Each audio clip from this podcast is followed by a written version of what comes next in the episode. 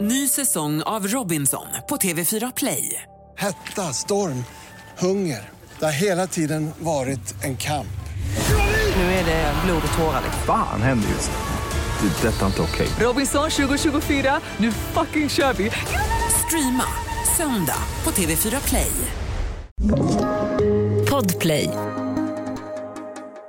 Du ska besöka vår son på fängelset. Vad är- Åh, du, jag är så spänd här. Man kommer in på hall och här sitter han en lille inlåst på vatten och bröd bara. Nej, Nej, Jonas. Det här det är jag, Hans. Det är jag som eh, skakar galler.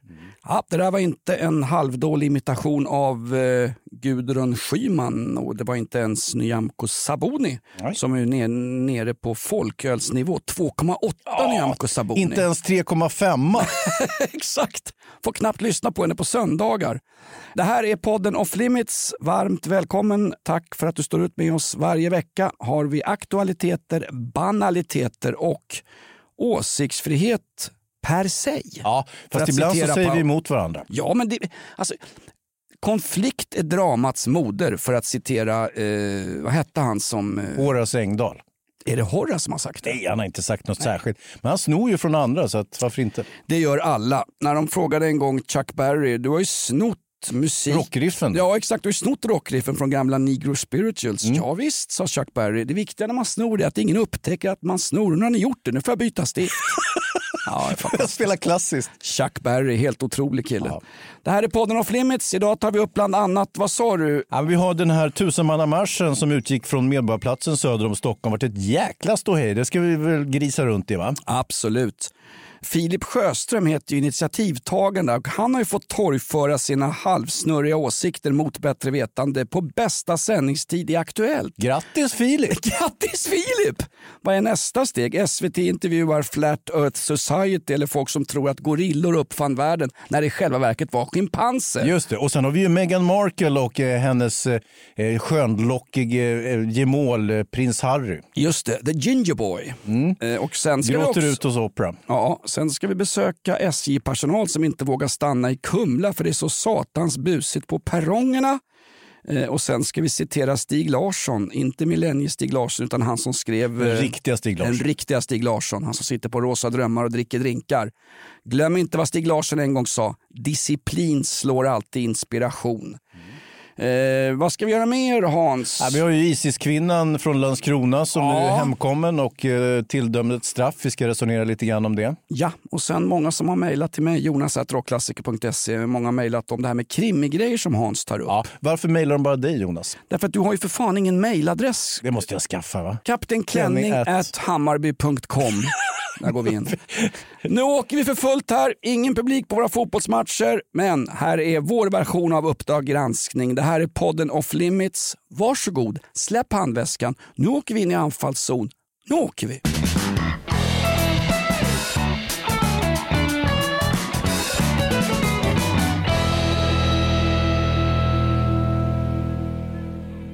Ska vi testa ljud och sånt där?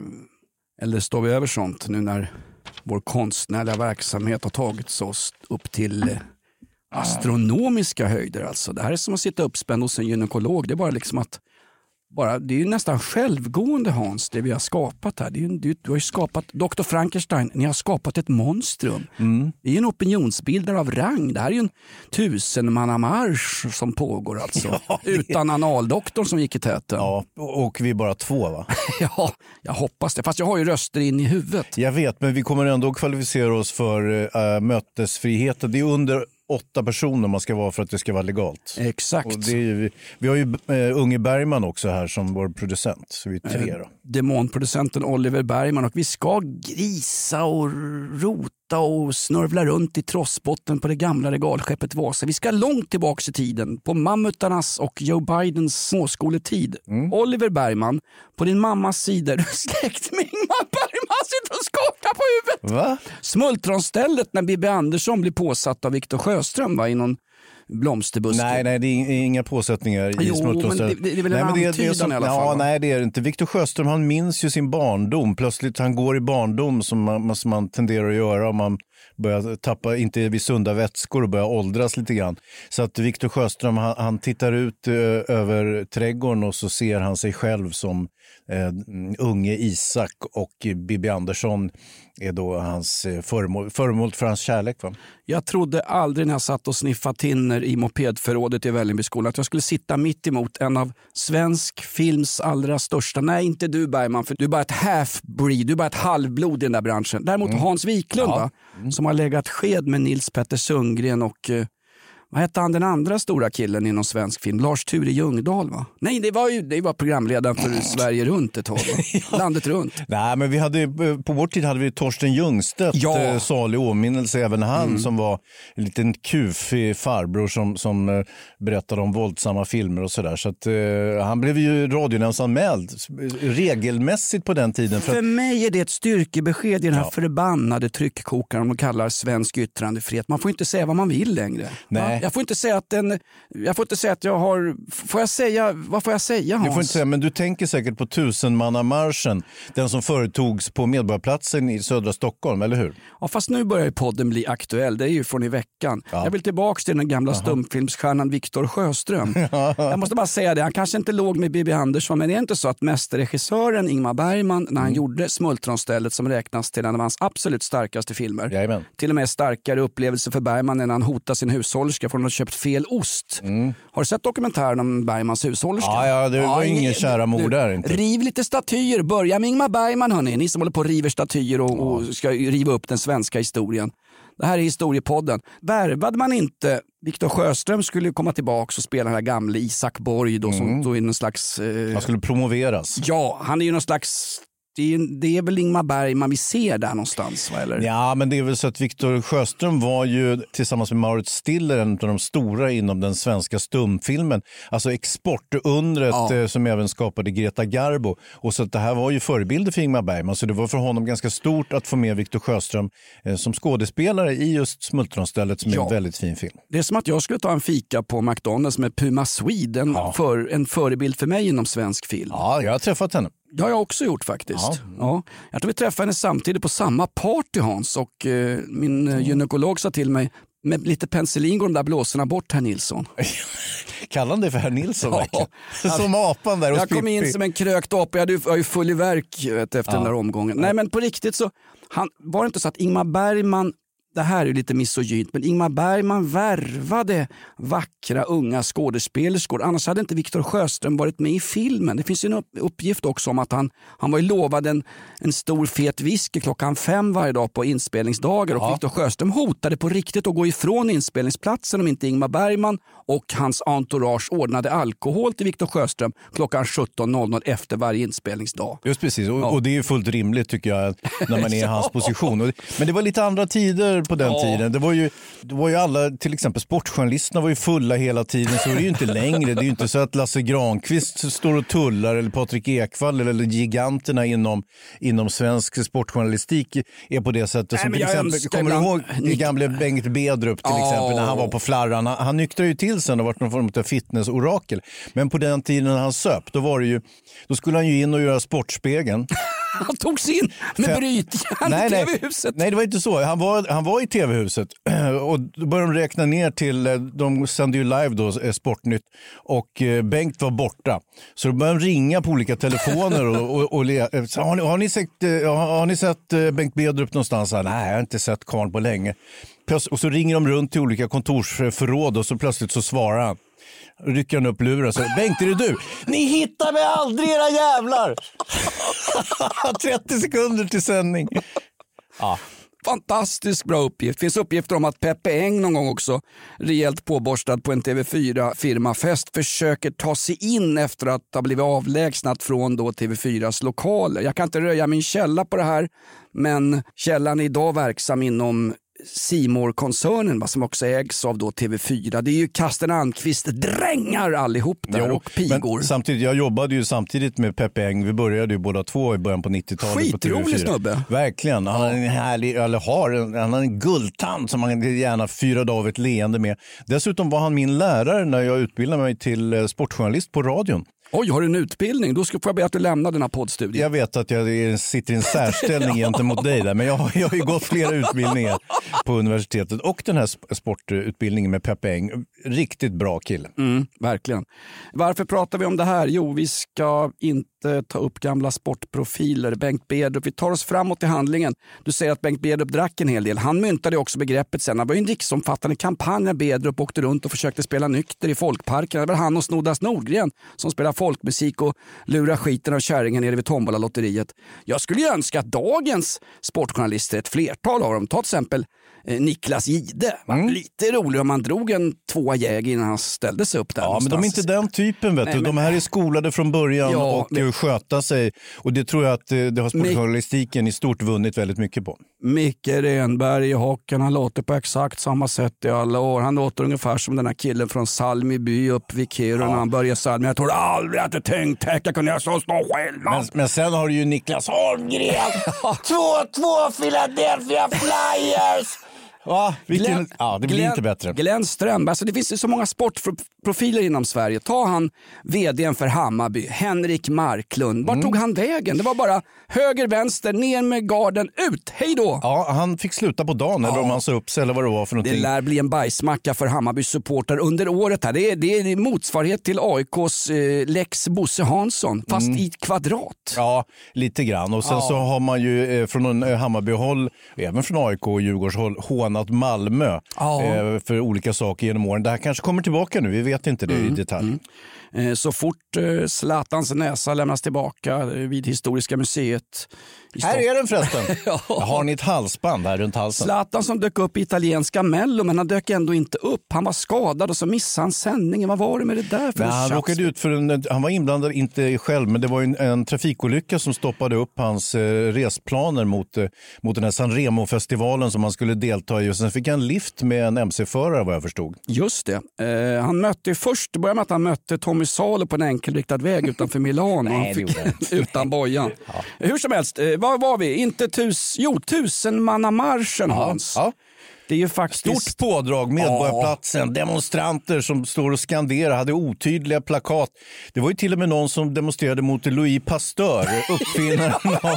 Jag såg det! Han som pasteuriserade mjölk och gjorde mjölk bakteriefri så att inte...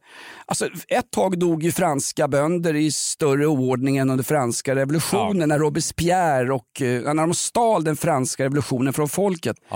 Louis Pasteur fixar så att vi kan dricka mjölk här. Nu har vi inte råd med det längre eftersom vi är, vi är tomt i ladorna. Tack Magdalena Andersson. Men det var ju ändå, hur dök Louis Pasteur upp i den här antivaccinmarschen? Ja, men alltså, det har ju aktivister som samlades för att gråta ut sitt missnöje och påstå att de här restriktionerna som man har i med coronaepidemin, eh, de är egentligen bara ett svepskäl för att regimen ska kunna smyga in en ny totalitär världsordning. Det var ju det som, som man torgförde. De, det, det är ju en trio här framförallt som, som, eh, eh, som står i fronten för det här. Den ena av dem kallas för eh, Dr. Anus. Ja, och, det, och det, lå, det låter som det är på låtsas, men det är killen som har gjort sig ett namn genom att ge anusmassage. Och han är inte dömd för någonting därför att om jag som vuxen person känner att stolgången, där skulle jag behöva ha ett, Ja, det det nytvätt, ett nytvättat långfinger så får jag gärna göra det. Det är en vuxna människors fria vilja. Så där, där att han är en anusdoktor, nu sitter jag och försvarar folk med anal. eh, Men på riktigt, han har rätt att göra det. Vi måste ändå värna om både åsikts och yttrandefrihet. Han har ju Absolut. däremot näringsförbud. Han har väl fifflat med skatten ungefär som Runa Sögaard. Ja, dels har han gjort Ja. det och dels har han ju också behandlat folk med så kallad ozonbehandling, vilket ju inte är, eh, stöds inte av någon som helst vetenskap. Så att det, han är ju någon form av kvacksalvare mer eller mindre. Men, Ja, men alltså- som jag brukar säga, hellre anusdoktorn än soldoktorn. eller? Är det bara jag? Dra inte in farsans idol från Bingolotto, Lotta Engberg här. Nej, okej. Så här är det också faktiskt. Vad sa du om att han har rätt att, vad sa du? Rätt och rätt, det vet jag inte om han har. Han har ju fel i allt. Ja, men jo, det är möjligt, men han har ändå en åsiktsfrihet. Ja, det har han. Och du Absolut. sa att han, att han har någon slags vetens, eller han, han har kunskaper som inte är ett dugg baserade på vetenskap. Ja. Om vi är på anusdoktorn, då kan vi lika gärna gå på killen som gjorde ett riktigt oväntat besök i Mosul i Mellanöstern. Påven dök upp. Det finns Ja. ingen vetenskapliga vis runt de teser som de sprid, sprider ut i katolska kyrkor i, eh, Nej, det gör det inte. i, i pojkarnas omklädningsrum, var nu det helst må vara. Så att det här med att man får bara demonstrera om man har vetenskapliga belägg och allt annat är fake news, då kan vi förbjuda religion rakt upp och ner. Ja, nej, men det, här, jag, det här handlade inte om... Alltså det som man gör nu det är att man bryter mot pandemilagen när man samlas fler än åtta personer. Och det är ju, det är alltså, bryta mot lagen får man faktiskt inte göra. Dessutom så bröt man ju mot ordningslagen, det vill säga det var väl en 8-10 poliser som hamnade på arslet när de här demonstranterna skulle röra sig eh, från Medborgarplatsen mot Gamla stan. Men jag såg på bilderna där också, det var ju äldre, äldre poliser. Det var ju kling och klang från, från 50-talet som de hade dammat av och ställt upp där. Och de är ju riskgrupp både för lårbe lårbensfrakturer och corona. Så jag förstår inte vad de gjorde där och jag förstår att de, att de kunde ramla och göra sig illa. En av dem var Harald Palmon Hult, mera känd som baggbölingen som ville ha eh, ridande kavalleri mot demonstranter. Men faktum är Hans, eh, du kan tycka vad du vill när de kallar in det gamla gardet, de här gamla poliserna och de som ibland kallades för noshörningar. De här gam, den gamla stammen, de som hade koppel och läderjackor och sånt, Jamen. de, de var inkallade. Och de den var- vita batongen Den- stolt framför sig. Den vita batongen, icke att förväxla med en storsäljare på vuxen.se. Det är något annat. Det här är en riktig vit batong som ibland var brun i toppen när någon narkoman hade fått sitt i någon ensamcell någonstans. Så gick det till på den tiden. Får jag bara säga, det var ett satans liv på polisen. De bildade kedjor och skulle stoppa folk. Polisen hade bestämt sig. Den här tusenmannamarschen, den ska inte komma fram för nu är det en pandemi. Jag undrar bara, var var de här poliskedjorna när Black Lives Matter samlade 4 000 pers på Sergels torg dagen efter George Floyd-konventet borta i USA? Det var lite andra förhållningsregler Absolut. från den svenska ordningsmakten. Det där gör mig fundersam. Ja, Har det att göra med vad du visar civilt motstånd emot Mm. än att du visar civilt motstånd? Civilt motstånd var ju något jävligt gulligt här helt plötsligt. Ja. Vi måste göra så här för vi är en utsatt grupp och det är struktur och bla bla bla. Här är det människor som får ha vilka åsikter de vill. När Mm. de visar civilt motstånd, då hängs de ut med namn och bild i Ja, Expressen. men, men sakta backarna nu. Black Lives Matter-demonstrationen i, i somras då, den var ju problematisk för den samlade ju då 3-4 tusen personer. Men det är ett väldigt känsligt ämne här för polisen att ingripa i det här med tanke på att, om du kanske minns, vi kidnappade ju tusentals eh, människor från Somalia och Swaziland och förde till Sverige på 1600-talet för att de skulle plocka bomull i Skåne. Och sen har de blivit kvar här, inte klarat att integrera sig och nu givetvis väldigt missnöjda med det. Och, då, och, och protesterar man då mot polisens våld, det är ju så, polisen är regelmässigt slår ju och skjuter svarta medborgare i Sverige.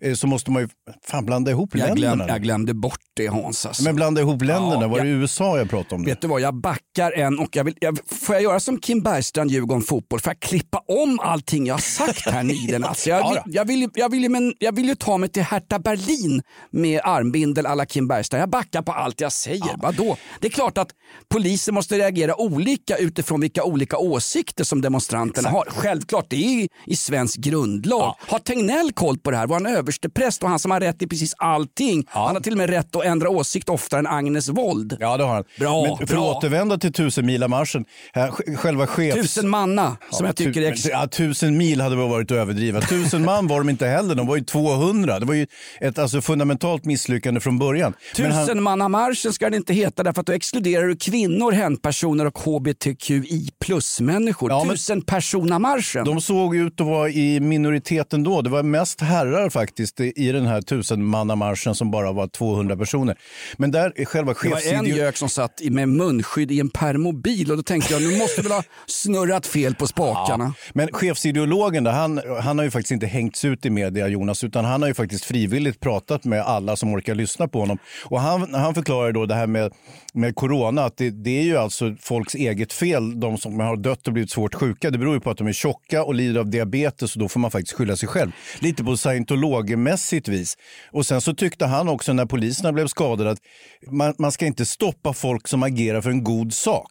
Och då är det tydligen han Ja, men- själv som avgör vad som är en god sak. Det vill säga att torgföra de här eh, konspirationsidéerna om att det är någon ny eh, världsordning som ska implementeras bakom ryggen på oss svenskar bara för att vi inte får mötas mer än åtta stycken. Okej. För att dra ytterligare en parallell då till Black Lives Matter-demonstrationen. och Nej, men igen- någonstans- ja, men Jonas, jag tog fel. Vi har ju inte bomullsplantager i Sverige. jag, jag, måste, jag har rört ihop det där helt och hållet. Och det, Jag alltså, somalierna bomull- kom inte hit på 1600-talet Jag heller. har bomullsbyxor på mig med, med det är Adidas. Det är tre streck när jag tar av mig dem i dem. Så här är det också Hans. Mm. Ja. Såklart. Visst har du rätt i det. Han hette Filip Sjöström den här personen. Ja, då. han chefsideologen, Ja? Mm. ja och han fått, han, det råder åsiktsfrihet. Glöm aldrig det. Nej. Och det råder dessutom någonting i det här landet som vi kanske plägar glömma då och då. Det är att jag får faktiskt demonstrera anonymt. Det var människor som sa helt öppet, jag vill inte vara med i någon tidning, jag vill inte prata med pressen. Men lik förbannat så hängs de ut med för och efternamn och med fotografier i tidningen Expressen då. Eller som den heter ibland, X på Expressen. Jag har svårt att hålla skillnad på Ja, de där två. Obs! Politisk satir. I Belarus, där har du ett problem. Där vill demonstranter demonstrera anonymt Mm. därför att det är obehagligt om man vet vem det är som går i demonstrationen för då knackar det på dörren ibland. Repressalierna. Ja, och det har ju hänt att civilpersoner som jobbar för regimen i centrala Minsk i Belarus drar munskyddet av folk och ska identifiera dem. Och då har det blivit så att demonstranter drar munskydd och det här Visiren. visiren av poliser för att kunna identifiera dem. Ja. Och någonstans, jag har rätt att gå i en demonstration alldeles oavsett vilka snurriga åsikter jag har. Mm, Och även om jag är långt som satan till höger och nå, någonstans till och med höger om... eh, Ja, men du är inte så hög Jonas. Jag brukar Nej, men- kalla nej, dig för men- högerman. Men, Vet ja. du vad? Jag försvarar extremhögerns åsikter och jag försvarar vänsterextremisternas åsikter så länge det är åsikter. För någonstans i det här landet har vi slutat att ta vissa åsikter på allvar. Det är, det är goda och dåliga åsikter. Sen kan idioter både från höger och vänster utföra brottslighet och då ska noshörningar med gamla fina vita batonger brassa på dem på Eller ryggen. sabeln. Ta fram sabeln. Polisvåld kan man inte få nog av. Det just det till och med underhållningsprogram. Sånt har ju du varit inblandad i Veckans brott. och annat. Absolut, men jag betackar mig faktiskt jag tror du kan hålla med mig lite grann för pöbelaktigt beteende. För inget gott brukar komma ur det. Och det är oavsett om det är metoo eller Black Lives Matter eller eh, de här dårarna på eh, Medborgarplatsen eller vad det nu kan vara för någonting. Det enda sammanhanget som man gillar upplopp och... Fotboll. Eh, pö- ja, fotboll. Ja, ja, där, där går det bra tycker jag. Där tycker jag det hör till. Ja, det det var väl någon som stod i en toppluva tillhörande något stort Stockholmslag och sa jag vill kunna gå och se fotboll som vanligt. Men- Han var ju någon slags talesman. Alltså, för mig blev den killen med Djurgårdstoppluvan, han blev någon slags, då blev den här tusenmannamarschen, då blev det det svenska Capitol Hill. Jänkarna hade sin björnmössa som rusar upp med ja. as, allmänna åsikter i, ett allmän, värre, i en värre röra än en off limits-podd. Mm. Den här killen med Djurgårdsmössan. Varför är du här idag? Och jag får bara säga en sak. Jag vill kunna gå och se fotboll med mina polare. Ja. Okej, jag tror inte att han som arrangerar marschen, Filip Sjöström, riktigt kunde skriva under på exakt de åsikterna. Nej, han har ju aldrig är- sett en fotboll på vykort, den, Nej. den knäppskallen. Och jag, jag tycker heller inte att de ska gå till anfall mot poliser och sprayade CS-gas på snuten. Vilket de, två av skadorna på polisen var ju att de hade fått saker och spray- andra var lårbensfrakturer. Ja, och sen var det p-spray på Karin Götblad också, någon gammal burk de hade hittat. Faktum är, de här som hängdes ut i Expressen, alldeles oavsett deras politiska åsikter, de deltog inte i någon form av våldsamheter. De möjligen bröt mot eh, pandemilagen som just nu står över mötesfriheten i det här landet, vilket jag tycker i sig är lite Ja, allvarligt. det är problematiskt, men nu är det som det är. Ja, det är representativ demokrati. Och nu har vi valt en regering tillsammans och vi har valt en myndighet som ska ansvara Ja, för det jag valde inte. Jag röstar ju faktiskt Nej men vet du vad, i och med att du bor i Sverige har du ett samhällskontrakt på att du underkastar dig majoriteten i ett eh, parlamentsval. Inte jag Jonas. Okej, Jag tror inte på det parlamentariska systemet. nu Vet ser att du, jag var ju... du från Capitol Hill. Nej, jag var ju med i anarkosyndikalisterna när jag var ung. Men det var ju mest för slagsmålen såklart. Sen Ja. gick jag över till andra sidan och, och då fick jag ju spö där också. Så jag var ju en väldigt misslyckad aktivistkarriär. Likt en Karl IXs drabanter inhyrda tyska och preussiska legoknektar som bytte sida allt utifrån den såld som avgavs dag för dag. Det här är Peter Englund. Jag vet, men någon svenska- såld var det aldrig tal om. Jag fick inte ett öre för det där engagemanget. Nej, exakt. Vad var de sa till den där killen som uh, slogs och bråkade under någon eh, revolution i England va? tidigt 1907? Var det, kan det ha varit kvinnlig rösträtt? Nej, det är för tidigt för det. Obs! Politisk satir. Han sa det, du varför är ni ute och ska kasta sten på polisen här och bråkar och rusar mot? Och är, det, är det demokratiska rättigheter ni har? Vill ni, vill ni ha att fattiga ska få mer pengar? Nej, sa den här knegan. Vad är det då? då? Lyfte han på sin den här Peaky Blinders-kepsen. Ja. Det är bara så förbannat kul. Ja. Nu händer det någonting. Ja. Sula stenar och tycka någonting och hamna i tv. Fast tv är inte ens uppfunn. Nej.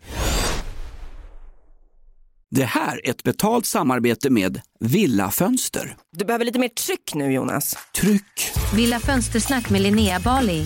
Villa, villa, fönster, fönster, fönster med Bali, Bali, Bali. Jonas, nu tänker jag lära dig lite om Villa Fönster. Lär mig baby. Villa Fönster är en rikstäckande leverantör av fönster och dörrar till dig som konsument och byggföretag. Och vet du vad Jonas? Vadå? Jag har en spaning. Ja. Det som gör dem så unika är att de har Sveriges bästa leveranstid. Ja, det går undan har jag hört va? Ja, det gör det. För man tänker kanske som konsument så här, åh nej, det här kommer ta så lång tid. Men inom tre veckor alltså så har du ett svenskt nyproducerat fönster som är redo för omgående avhämtning eller leverans. Oj, oj, oj, inom tre veckor. Är det inte så också, jag har hört ryktena, de har Sveriges största fönsterlager va? Ja, med 500 olika varianter av fönster. Och eftersom de allra flesta av oss vill ha olika storlekar på fönster så kan Villa Fönster dessutom göra anpassningar såsom spröjs, spaltventil med mera. Oj, oj, oj Linnea, du övertygar här. Du vet inte vad en persedel är för någonting, men spröjs och spaltventiler. Här har jag nästan läst på universitetet om det här. Ja, och är det någon som har koll så är det Villa Fönster. Historisk referens här. Har du? Ja, alltid. Ända sedan 2008 så har Villa Fönster alltid haft visionen att erbjuda kvalitetsprodukter till rätt pris och kortast möjliga leveranstid. Ja, jag är nöjd Men vadå? med vårt Villa Fönstersnack. Villa Fönstersnack med Linnea Bali. Villa, villa, fönster, fönster, fönster med Bali, Bali, Bali. Tack Villa Fönster. Ny säsong av Robinson på TV4 Play. Hetta, storm, hunger. Det har hela tiden varit en kamp. Nu är det blod och tårar. Fan händer just det. Det är detta inte okej. Robinson 2024, nu fucking kör vi! Streama söndag på TV4 Play. Ett poddtips från Podplay. I podden Något Kaiko garanterar östgötarna Brutti och jag, Davva, dig en stor dos skratt. Där följer jag pladask för köttätandet igen. Man är lite som en jävla vampyr. Man har fått lite blodsmak och då måste man ha mer. Udda spaningar, fängslande anekdoter och en och annan arg rant. Jag måste ha mitt kaffe på morgonen för annars är jag ingen trevlig människa. Då är du ingen trevlig människa, punkt. Något Kaiko, hör du på Podplay. Därför är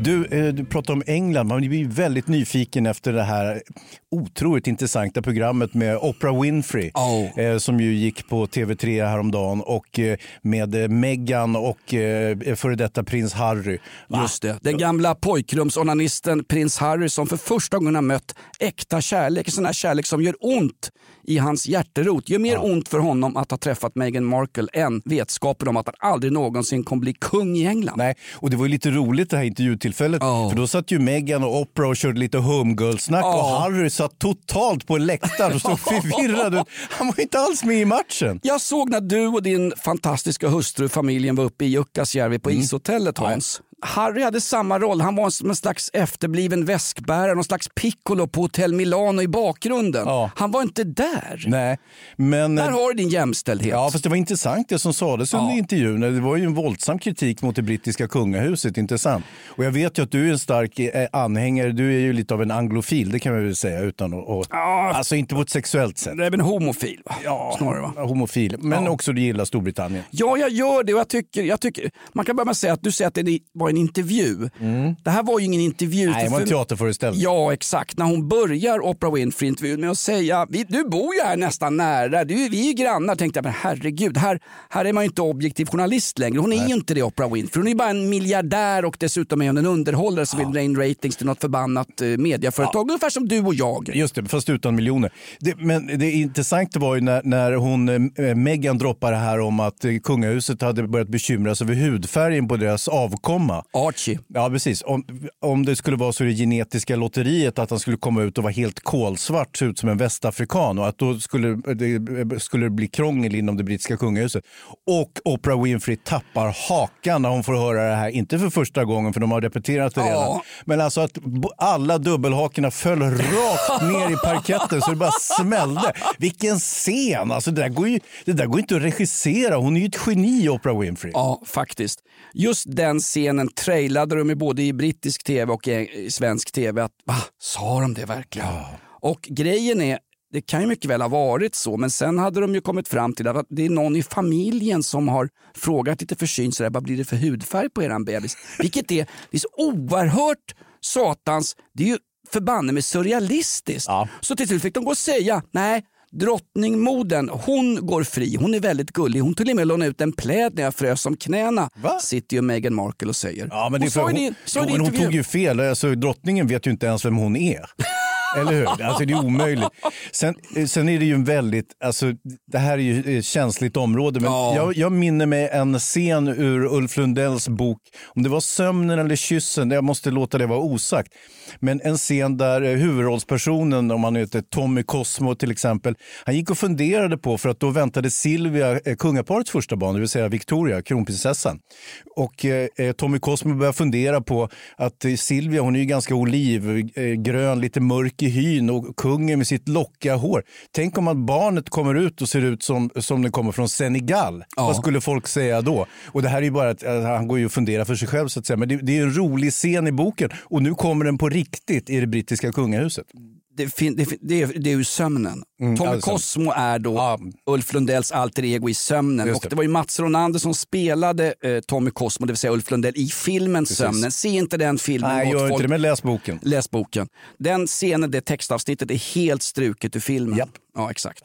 Eh, Inte bara för att Mats Ronander är fullständigt hopplös på att lära sig repliker så han fick improvisera halva Ja, filmen. för det var för dåligt, men också... Tacka veta Smultronstället, Bergmans mästerverk. Oj, oj, oj. Tänk om om- Isak Borg, Björn Borgs far. Tänk om Bergman hade regisserat de här eh, eh, Lundell, Lundell-böckerna. Jäklar vad det hade blivit bra. Ja, faktiskt. Och eh, kanske valt andra skådespelare än Malla Ronander och eh, vad heter han, eh, Stangert som, som var med i Jack. Ja, nu ska, nu ska du inte sitta och Jo, jag vet, men stats, jag gillar inte... Jag tycker. Stadsteatern är bara skit faktiskt. Ja, men nu kommer ju Göran Stangers från Malmö eh, teaterhögskola. Och Göran Stangers, det kan jag berätta för dig. Du pissar, du pissar. Ja, och förnedringsrånar alltid det. på min lilla förort. Aspudden. va? Aspudden där strax söder om Stockholm. Ja. Göran Stangers bodde med sin fru i eh, Aspudden. Vad säger du? Ja visst, var ofta inne tillsammans med mig. Vi kände inte varandra men jag såg honom nog. Det var innan jag började anfalla folk med min selfiekamera, innan det fanns selfies. Han var ofta inne och köpte sån här hotdogspaket och 6-7 folköl en söndag morgon 20 över 7. Hur vet jag det? Jo, jag var själv där inne och köpte folköl. För att få de här satans skakiga tassarna att stilla lite. Ja, och vet du vem som mer går och shoppar där och som också bor i Aspudden? Nej, det vet du inte. Kapten Klänning. Han flyttade Nej, dit. Jo, nej, nej, nej, jo, nej. Jo, jo. Mikaela, vi måste flytta! Nej, men var inte- Ett riktigt getto vill jag Han flytta. kommer inte ge sig på Mikaela, hon är alldeles för gammal för honom. Och dessutom börjar han bli lite smågammal själv, så jag vet inte hur mycket styrfart han har på liksom sin sexuella verksamhet numera. Kapten Klänning som fantiserar om alldeles för unga människor. Vad Ja. sägs om eh, söka jobb som VD för Hammarby Fotboll? Den platsen lär vara ledig. Den hörru. vakant nu va? Ja, den är vakant. Eh, vi- Inte, inte tråka Hammarby mer. Du vet, vi har många Hammarbyare som lyssnar på oss. Absolut. Bayern, en stolt klubb. Mm. Faktum är att Matte Werner ringde mig. Jag känner ju Matte Werner. Ja, gamla legenden i Hammarby. Oh, alltså, Benknäckaren, jag Matte är, Werner. Jag är gnagare. Han är från dina hoods. Han är från Byälvsvägen i Bagarmossen, Bagarmossen. ja. Mm. Kom från IFK Bagarmossen, värvad till Bayern. Jag tror att faktiskt ryktena säger att Matte Werner, inte bara spelade han i svenska landslaget, jag tror han blev utvisad och fick i sin första match i debuten på topp för Bayern när han var 18 år gammal. Jag är AIK-are, men jag har den djupaste respekt för Hammarbys supportrar. Nu kommer de få käka bajsmacka för den här grejen med vdn ett tag. Men också för Matte Werner, på riktigt. Ja, okej. Jag känner honom privat. Jag har varit i London på Stamford Bridge och sett fotboll med Matte Werner. Faktum är, Matte Werner räddade mitt liv inne på någon satans Chelsea-pub. När någon jävla hotdogspaket i Chelsea-supporter får syn på min tatuering Ja, på underarmen. där står ja. Gott råd gott folk. Åk gärna till London och besök Towern och eh, prata med drottningmoden om vem Meghan Markle är. Men gå aldrig in på en Chelsea-pub. Bli lite för på arslet, börja snacka skit inne på herrtoaletten och någon får syn på att du har en Millwall-tatuering på underarmen. Tack Matte Werner, du räddade mitt satans liv 2006. Va- Det var- Varför det snackar tider- Bayern? Nej, det vet jag inte. Men, men eh, ska vi knyta ihop säcken här med Meghan Markle och eh, stackars Harry där? Eh, Gör de rätt som gråter ut? Är det fel på kungahuset eller är det Meghan Markle som är tokig? Det är inte Meghan Markle som är tokig, men jag tror att ibland, det är som när jag och Mikaela bråkar hemma och tro mig, det händer ganska ofta. Det är liksom bådas fel. Om man går in och ska reda upp någonting. Meghan Markle, hon hade ingen koll på vem hans familj var. De fick, I den här intervjun, de fick lära henne att niga just innan hon ska möta drottningmodern. Nej, i, i svärmor va? Ja. Och sen Märkligt när, när Oprah Winfrey då presenteras som slags en av världens främsta intervjuare. Anna Hedenmo ju- jublade över hennes intervjuteknik. Ja, men Men på riktigt, alltså, då vet ni inte ens på SVT vad journalistik är. Hon börjar med att säga Hej Megan, vad härligt att se dig. Hörru, för det första, tack för att jag fick komma på ditt bröllop. Bara där gör man Wow. sig helt omöjlig som objektiv journalist. Och jag vet att Oprah Winfrey inte är en objektiv journalist. Hon är en underhållare som ska dra in ratings till CBS och det lyckas hon med. Big time. Ja, du, eh, vi, om vi skiftar spår lite grann. Jag vill ska- prata om smultronstället. Nej, men det vill inte jag. Nej. Jag vill tala om tusenmannamarschen som blev tusenmilamarschen fast bara med, med ett par hundra pers var de flesta satt i permobil eller hade Djurgårdsmössa på sig. Nej, jag ville prata om det här och nu blir vi snäppet allvarligare Jonas. Ja. Ny säsong av Robinson på TV4 Play. Hetta, storm, hunger. Det har hela tiden varit en kamp. Nu är det blod och tårar. Fan händer just det. Det är detta inte okej. Robinson 2024, nu fucking kör vi! Streama söndag på TV4 Play. Ett poddtips från Podplay. I podden Något Kaiko garanterar östgötarna Brutti och jag, Davva, dig en stor dos skratt.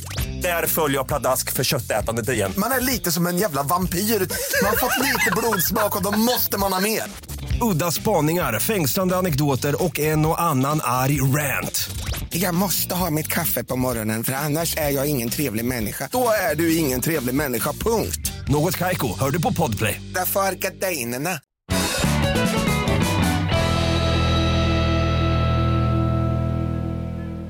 Nu handlar det om den här militären, elitsoldaten Dennis som spårlöst försvann i november förra året. Han har nu, eller kvarlevorna av honom har ju återfunnits i Tyresta naturreservat eh, i anslutning till Sörmlandsleden som han nu hade företagit sig att han skulle springa, eller hur? Den första av alla personer jag överhuvudtaget pratar med, det är väl kanske en handfull. Va?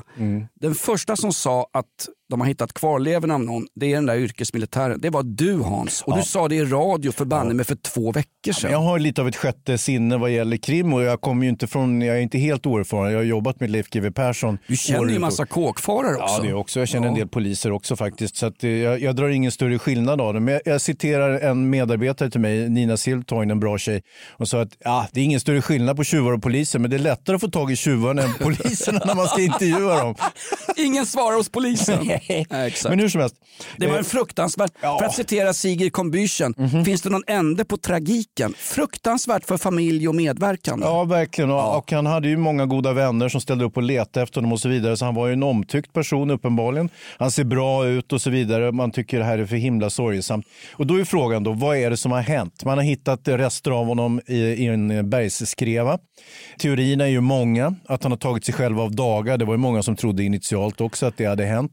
Eh, kanske hade man sett någon från, internationella, eller från, från nationella bombgruppen på brottsplatsen. Som man trodde att han möjligtvis hade sprängt sig själv. Eller har han liksom råkat ut för ett olycksfall och trillat omkull någonstans och sen blivit liggande. Sprängt sig själv, hur kan man då utesluta att inte någon brottslig handling har begåtts? Därför det första polisen sa, jag litar inte på snutar sen en diverse turer Mm. Ja, fram och tillbaka i ja. Polispiketer runt fotbollsderby. Men så här är det, det första polisen säger det när man hittat, vi misstänker inget brott. Hur kan man säga det efter 20 minuter? Förlåt, jag, bara, jag, Mm. jag representerar allmogen här, en obildad kvällstidningsläsande publik bara. Mm. Hur kan polisen fastställa det så snabbt, Hans Wiklund? Eh, Det kan finnas flera skäl till det. Dels så kan det finnas att man har tömt hans dator och hittat ett avskedsbrev till exempel. Eh, och Går det att fejka? Ja, kanske, men, men det- beror på liksom hur trovärdigt det verkar. Men, men här verkar polisen ha dragit slutsatsen att eh, det är ett självmord. Men det kan också vara ett olycksfall, att han har trillat ihop det. Vi gjorde ett, när jag jobbade med Veckans brott med GW Persson så gjorde vi ett experiment. Vi tog Hur en... länge kan GW vara nykter? Nej, Nej men han, han super ju halvårsvis så det, Ja. han, det är ingen hemlighet. Och det är han officiell med. Han är mer officiell än vad Bengt Grive var för att återknyta till de här gamla sportprofilerna som drack för mycket på den tiden. Sant. McGenger gav ju namn till en whisky på bolaget. Nej, det var här, inte- här Nej, Max Scott var det. ja, nej, utan vi producerade en gris. Och eh, eh, den, eh, grisen har ju den egenskapen att man kan hitta en vikt ungefärligt och dessutom som, är, som är, har ungefär samma som en människa. Jag har samma, också- men, en gris vävnad påminner ju om mänsklig vävnad. Det sa inte mig i lumpen. Du ser till och med ut som en gris Nilsson. Nej, det sa de inte. Jo. Lite lik är du faktiskt Ja, visst. när du säger. Titta, här är knorren Hans. Jäklar, vad sitter du ju fram? Det ska ni inte göra.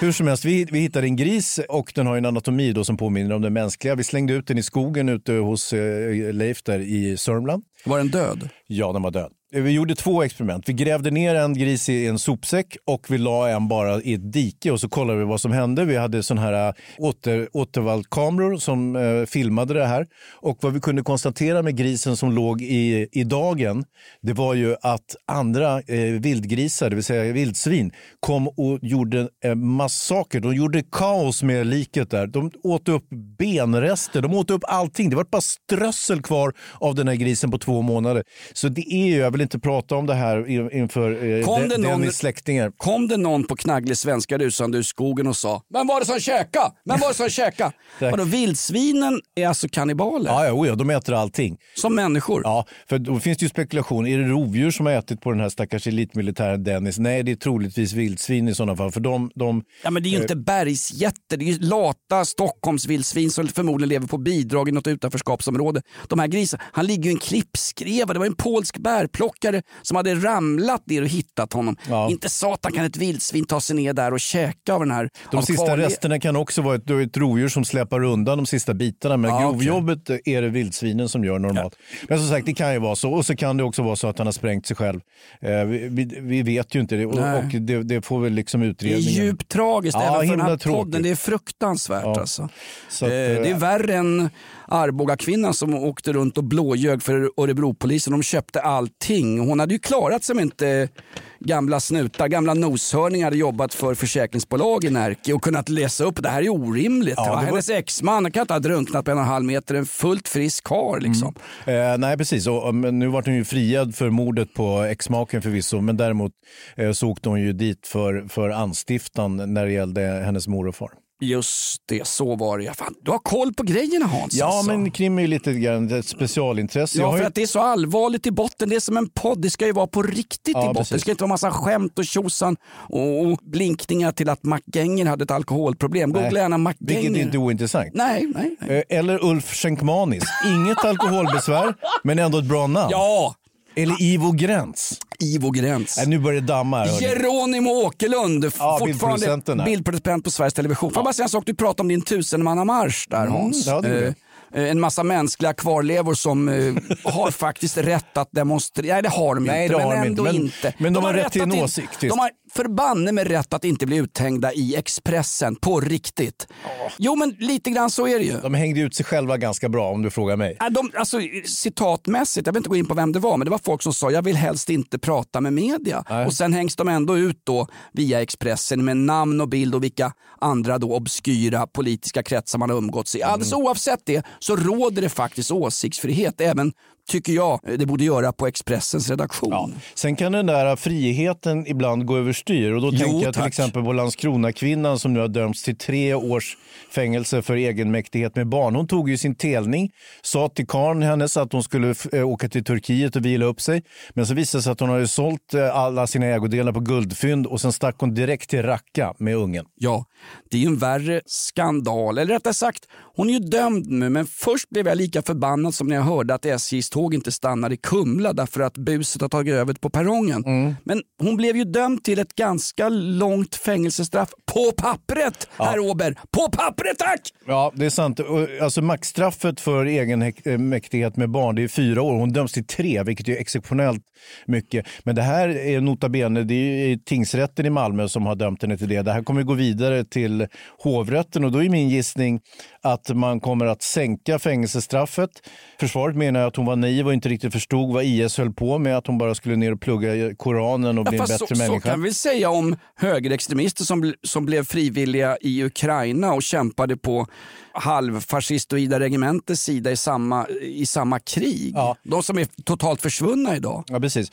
Så min gissning är då i hovrätten det är att hon kanske då får sänkt till två år och Ja. sen har hon den vanliga kvinnorabatten. Kvinnor straffas lite mildare än vad män gör av någon anledning.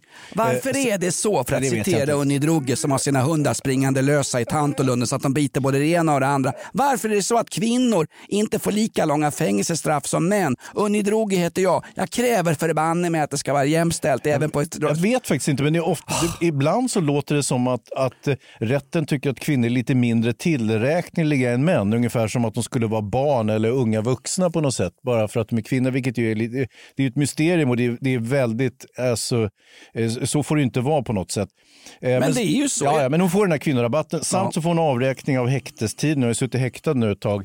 Dessutom så kommer nog rätten att tycka att det är viktigt att hon får umgås med sina nya barn. Hon lyckas ju avla två nya barn där när hon var fång, fångenskap nere i Raqqa. Eh, och sen har hon två tredjedelar på det. Så jag skulle nog gissa att hon kanske släpps direkt ut efter förhandlingen i hovrätten. Det är min gissning.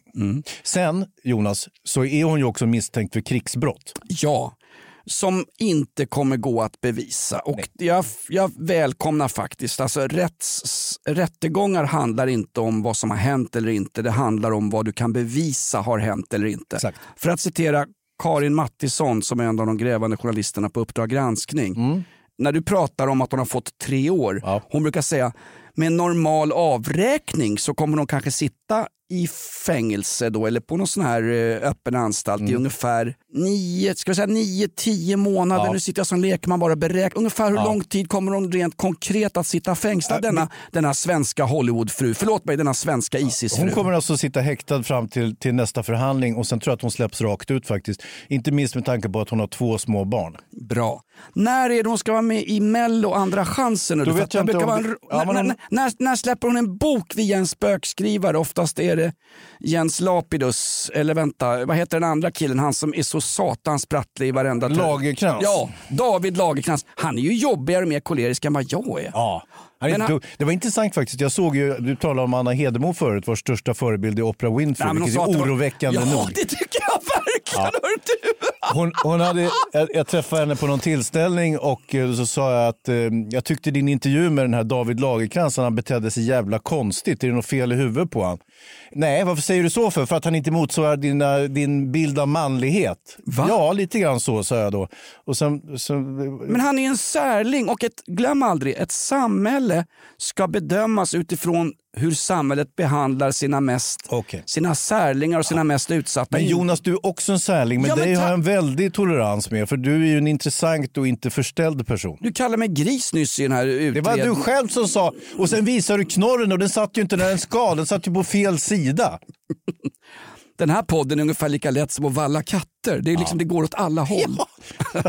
Vad sa du? När träffade du Anna Hedemo? Nej, det var på en Slam- tillställning. Ja.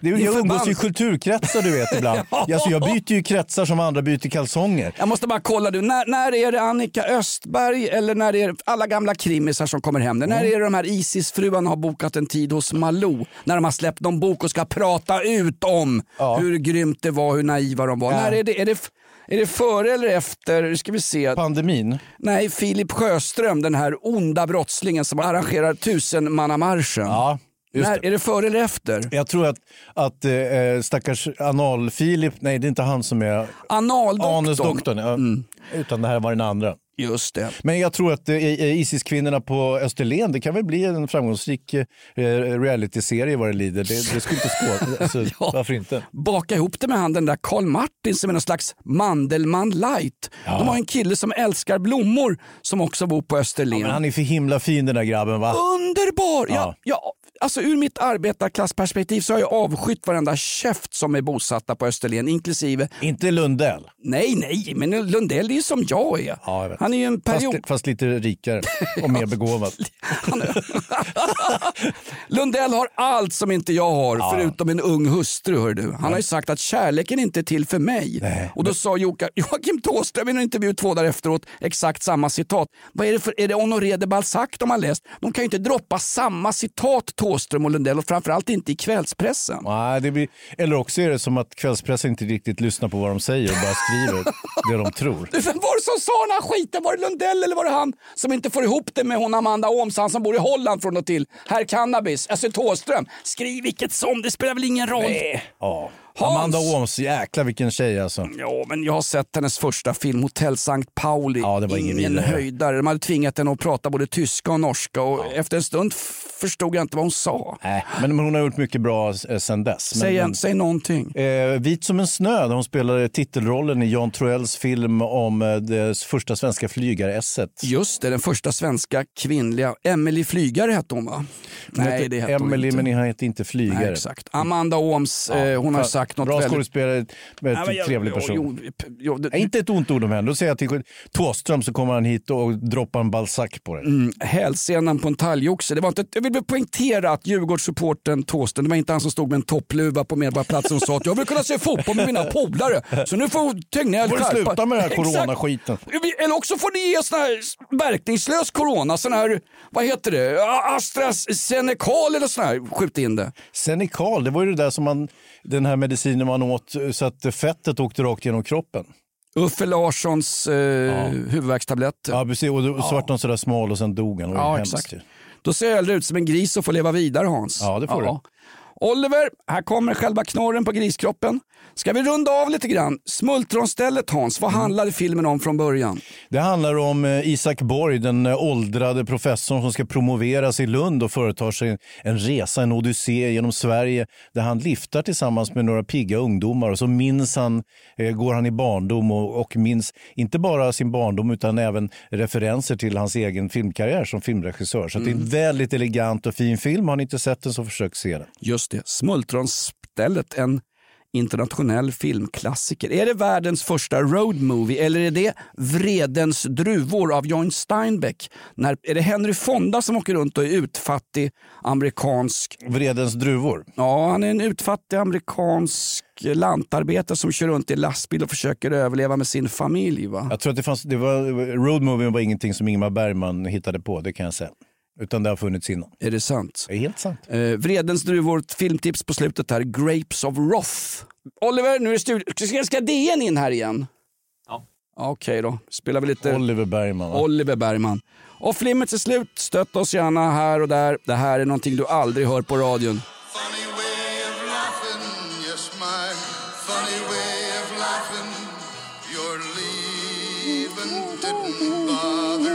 Glöm aldrig. Skratta åt eländet, distansera dig från eländet och lyssna på poddar. Livet är inte så satans allvarligt. Och för att citera Börje Salming, snart är skiten slut också. Jag såg honom prata om sitt samiska arv förresten. Ja, visst. Jag tror aldrig jag skulle bli så här förvånad över att de var så taskiga mot vårt folk. Salming från Salmi by där uppe. Jag fick det. en djup respekt för killen som gav eh, suspensoaren ett ansikte. Denna hockeylegend, denna AIK-back och Toronto Maple Leafs. Fortfarande står ju folk upp och gör en stående och applåd Ja, till... ska de göra. Ja, men det var ett jättebra program. Så det var han och brorsan Stig. De var busbröder va? När de spelade i Brynäs för de slog folk på truten till noter. Bra Stig, spelare. Stig Salming, googla det tillsammans med Mark Genger. Det var ju Stig Salming som slog av näsbenet på fulingen Phil Esposito i Canada Cup. Nu, sug på den här Oliver. 1977! Ja, nådens år. Poliserna som ingrep i tusenmannamarschen i helgen, de var bara unga nybakade snutjuniorer i kortbrallor på den tiden. Ja. Herregud. Det är fullbordat! Oliver, tack för idag. Ja, vi Eh, som ska tacka va? Kommentera oss gärna på Flashback. Fortsätt skicka in namnförslag till jonas at rockklassiker.se. Du hade något namnförslag Hans? Ja, ett riktigt bra förslag faktiskt. Och, eh, men jag vill inte om jag ska säga det. Tänk om någon annan poddare tar det. Och? Ja, men då blir det Vad inte är det för vårt förslag? namn. Är det Alex och Sigge vi ska heta? eller? Nej, ja, det, sku, ja det är, fast det är upptaget. Men det är ju bra namn. Historiepodden är bra. Vi ska ju vara aktuella varje vecka men vi hamnar ju fortfarande i Isak Borg, Mac-Gänger och Björnmössan vid Capitol Hill. Ja, nej, jag vet, men jag tänkte att vi skulle damma av eh, Janne Forsell och Kjell Arlinges klassiska radioprogram som hette Hemma hos. Kunde inte det Ja. vara? Hemma hos Jonas och Hans. Och sen så spelar vi in den hemma hos oss. Vi flyttar ihop du och jag. Och så kan vi liksom prata lite grann om inredningen och, eh, killar och allt. Inte killar kanske. Från inredning till utredning. Det här är rock... Nej det är det ju inte. Vad Nej. säger jag? Nu Nej, ska vi... Det är radioprogrammet vi Jag gör. blir stressad när det står folk utanför. Är det, är det, Det är Babel... Wolodarski där va? Är det, Bab- är det Babelpubliken här utanför? Hur kan DN göra en podd som går sämre än våran och ändå ha 12 pers i studion? Vad pratar de om ens? Jag har ingen aning. Vi går ut på lite mer rock'n'roll här. Gud vad sorgligt. Ricky Nelson. Ah, trött. Det är ännu sorgligare. Podden är slut, nu måste vi gå ut här. För att Jag har ju inte hunnit ta upp det jag vill säga i det här skitprogrammet. Men ta det nästa vecka. Nej! Jo, tisa upp nästa vecka. Vad ska, ska man lyssna nästa vecka Jonas? Jag säger som Ivar Lo Johansson. Blir det nästa vecka? Citat ur romanen Kungsgatan. Den handlar om vanligt hyggligt folk som vill göra sin röst hörd. Kanske inte i en podd på den tiden, men i etablissemangets korridorer. Ny säsong av Robinson på TV4 Play. Hetta, storm, hunger. Det har hela tiden varit en kamp. Nu är det blod och tårar. Fan händer just det. Det är detta inte okej. Robinson 2024, nu fucking kör vi! Streama söndag på TV4 Play.